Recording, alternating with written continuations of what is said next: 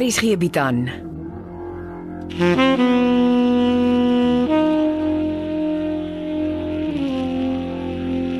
Beproeving deur Jo Kleinhans.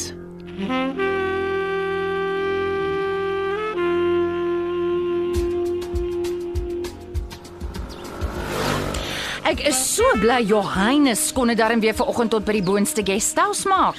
En wat sit met jou en die skielike attitude? Van wanneer af bou jy 'n pool oor 'n naweek sonder om eers met jou partners daaroor te praat? It was a present from a friend. Ag, oh, Van wanaf moet ons eers meetings hou voor ons presents vat? en van wanneer af is jy en Morkel nie naby sulke dik vrinne? Wel, van dat hy terug is uit Zambië.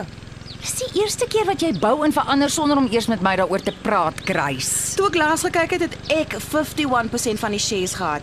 Jy sit met 25 en die lady van Koster het 24. I call the shots. Finish en klaar. Ek sien. Is dit hoe die wind van nou af gaan waai? Waaroor moan jy? Die pool is nodig vir die TV-span. Hulle soek dit met 'n seer hart.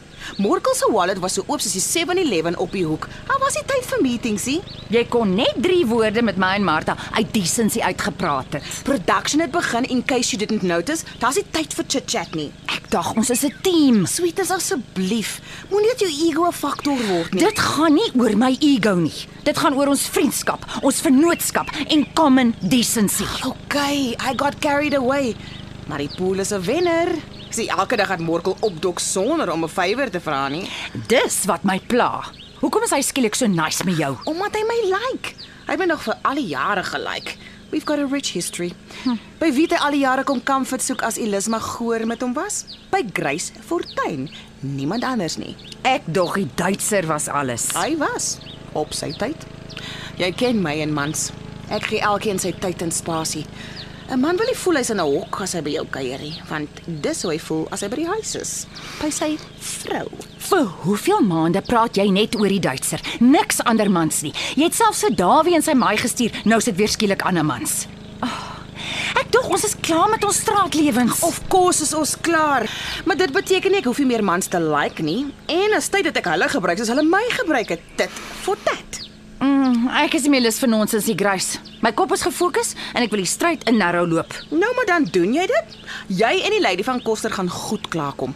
Ek sien dit sommer op 'n mail. Sy like ook alles wat stryd en narrow is. Oh, en toe gee jy sommer vir almal die naweek afhok. Moenie vir my sê ek moes daaroor ook eers 'n meeting gehou het nie. Dis 'n klomp manne wat gewerk het. Ek hoor jy die kos supply. Ek wou nie laat die girls die hele naweekie stof inasem nie. Dis 'n health risk. Ek soek die medical claims op my tafelie en ek het maklik gekoop. Ek sien hulle teel nog om die poel. Ja, maar jy moet 'n dip kom vat. Die water is heerlik. Wie het jou gehelp met die supervision? Niemand nie. Hoekom? Is jy seker? Wat is dit met jou en jou million questions vanmôre? Ek het jou 'n favour kom vra. Jy koop dan so goed op jou eie. Don't be like that. Ek wil vir die res van die week af Kaap toe. Vir wat?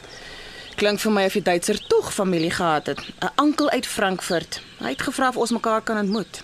Jy weet dit gaan dol. Maar ek het gedink jy kan onderkom oorvat. Bring jou gassie saam vir 'n dip. Ons het 'n poel, dankie. Moenie so ou suurgat wees nie. Dis lekker tussen die actors. As jy dink ek het 'n groot ego, moet jy daai mense kom beleef. Goed, ek sal met Martha reël. Haha, en jy wil dat hulle vir jou die costumes wys. Ek kon nie uit die kostuumkamer bly nie, maar vra mooi, hulle is nou vol security. Jy kan nie sommer net daar in en uit soos jy wil nie. Ek sal vra, wanneer vlieg jy? Vanaand, net vir 'n paar dae, en ek sal vir jou 'n lekker bottel rooi uit die Kaap saambring. ek weet wat jy like.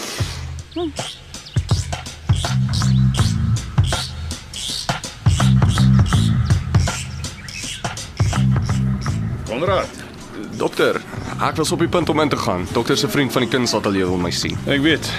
Ek kom waarsku jou gou. Jou pa's absoluut daardeur gekant dat die kunsateljee jou genaamd vir nog afleweringe gebruik. Hy het met my gepraat daaroor en ek verstaan sy punt. Die feit van die saak is daar is kort afstand afleweringe. Dis dagtrippies. En die geld is steeds goed. Dit kan werk. Presies.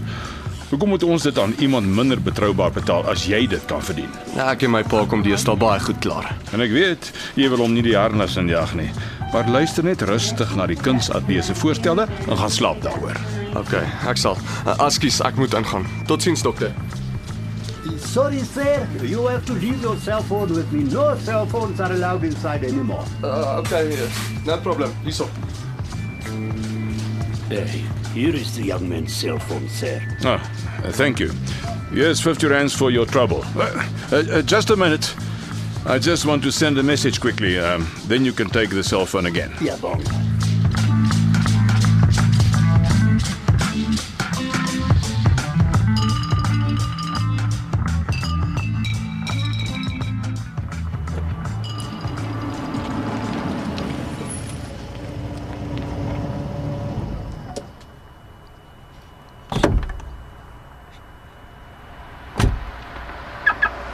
Middag Cindy. Wat soek jy by Konrad se blyplek? Ek kom kyk of hy hier is.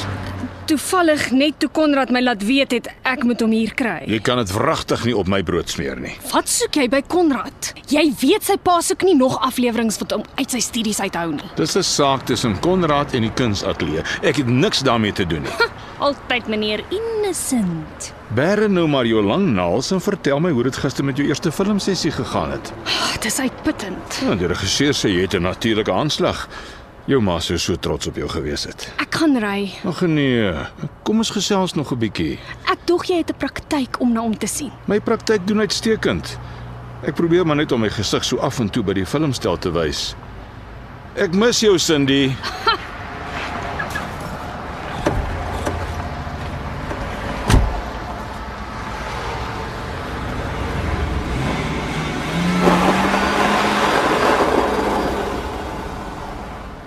Vinnig speelbekker.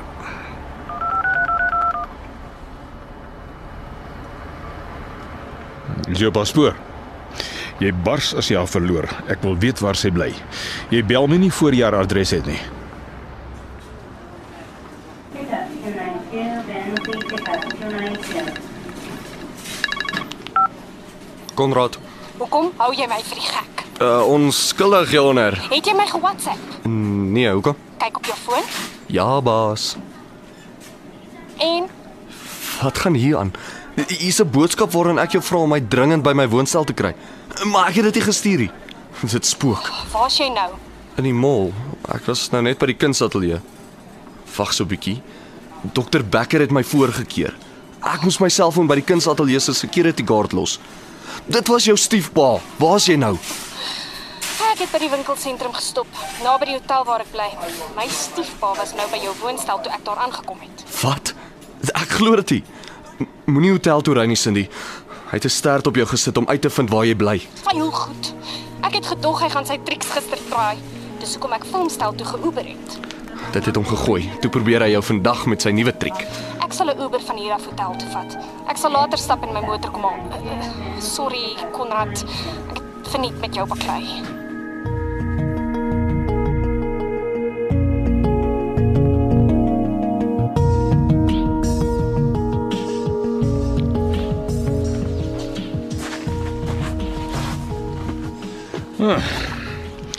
Die laaste keer wat jy by my motor ingewag het, was na jou eerste ronde kankerbehandeling. Middag, Davie. Kyk, ons twee is nou nie juis op speaking terms soos die Engelsman sal sê nie, maar ek het jou 'n guns kom vra. Jy weet ek help graag waar ek kan. Jy het dokter Liebenberg se praktyk oorgekoop. Ja, dit was 'n taamlike winskoopie sou ek sê. Ek weet nie of jy weet dat my oorlede vrou 'n pasiënt van hom was nie. Hmm, ek dink ons het al in die verbygaan daaroor gepraat, maar eh, dit lui nie 'n klokkie nie. Susara is die 6 maande voor haar dood vir kanker behandel. Maar tog was sy langer as 2 jaar 'n pasiënt van dokter Liebenberg. En jy weet nie waarom nie. Nee. Susara was taamlik geheimsinnig oor haar besoeke aan dokters. Maar uh, dokter Liebenberg was 'n onkoloog soos jy. Hoekom het Susara hom aan mekaar besoek as sy nie kanker gehad het nie? Dr Liebenberg was ook 'n reumatoloog. Jou vrou is dalk met reumatoïede artritis gediagnoseer. Dis erg genoeg vir enige mens. Maar vir iemand wat skilder moet dit net soveel erger wees. Kan jy vir my asseblief in haar leer kyk of dit so was? Natuurlik. Ek vra die dame wat my administrasie doen om aandag daaraan te gee. Hoekom pla dit jou? Ek het op 'n dagboek van haar afgekom met inskrywings daarin wat wat my 'n uh, bietjie onkant betrap het. Ja.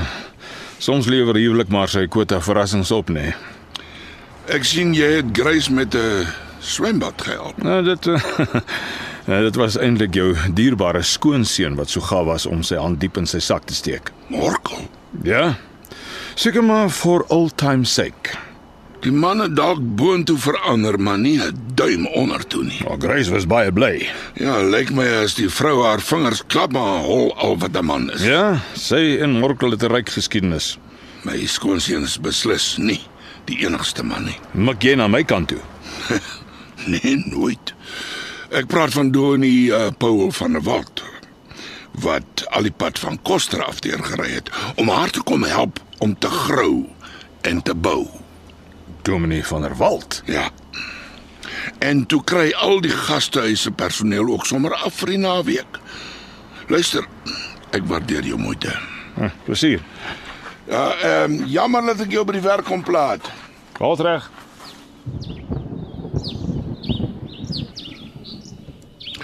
Elke keer as ek buite kom asem skep, dreig dit om te reën. Haai, nee, enkele moan of groan oor die reën nie. Ja, jy is reg.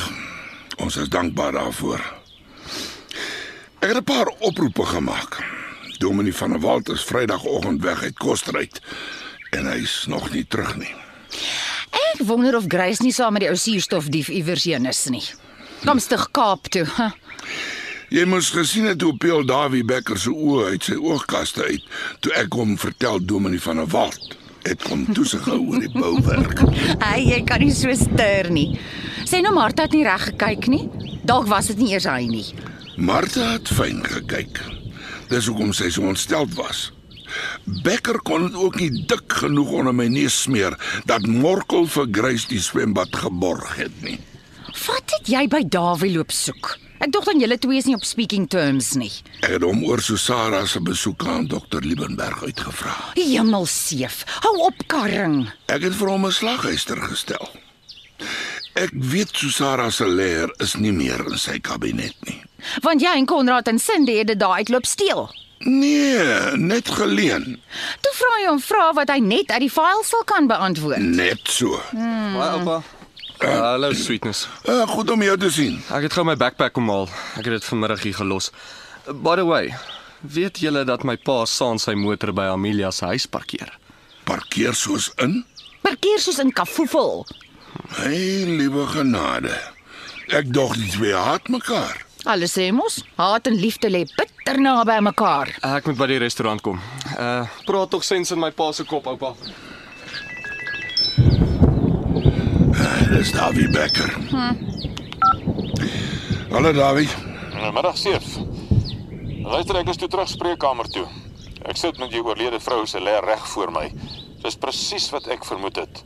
Dr. Liebenberg het haar vir reumatoïede artritis behandel vir langer as 2 jaar. Ja, dit help baie. Dankie vir jou moeite, Davie. Totsiens. En wat het Becker te sê? Hy lieg. Sit kwansys met Susara se lê reg voor hom.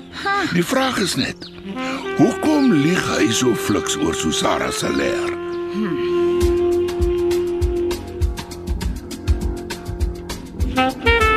Dit was episode 20 van Beproewing deur Jo Kleinhans.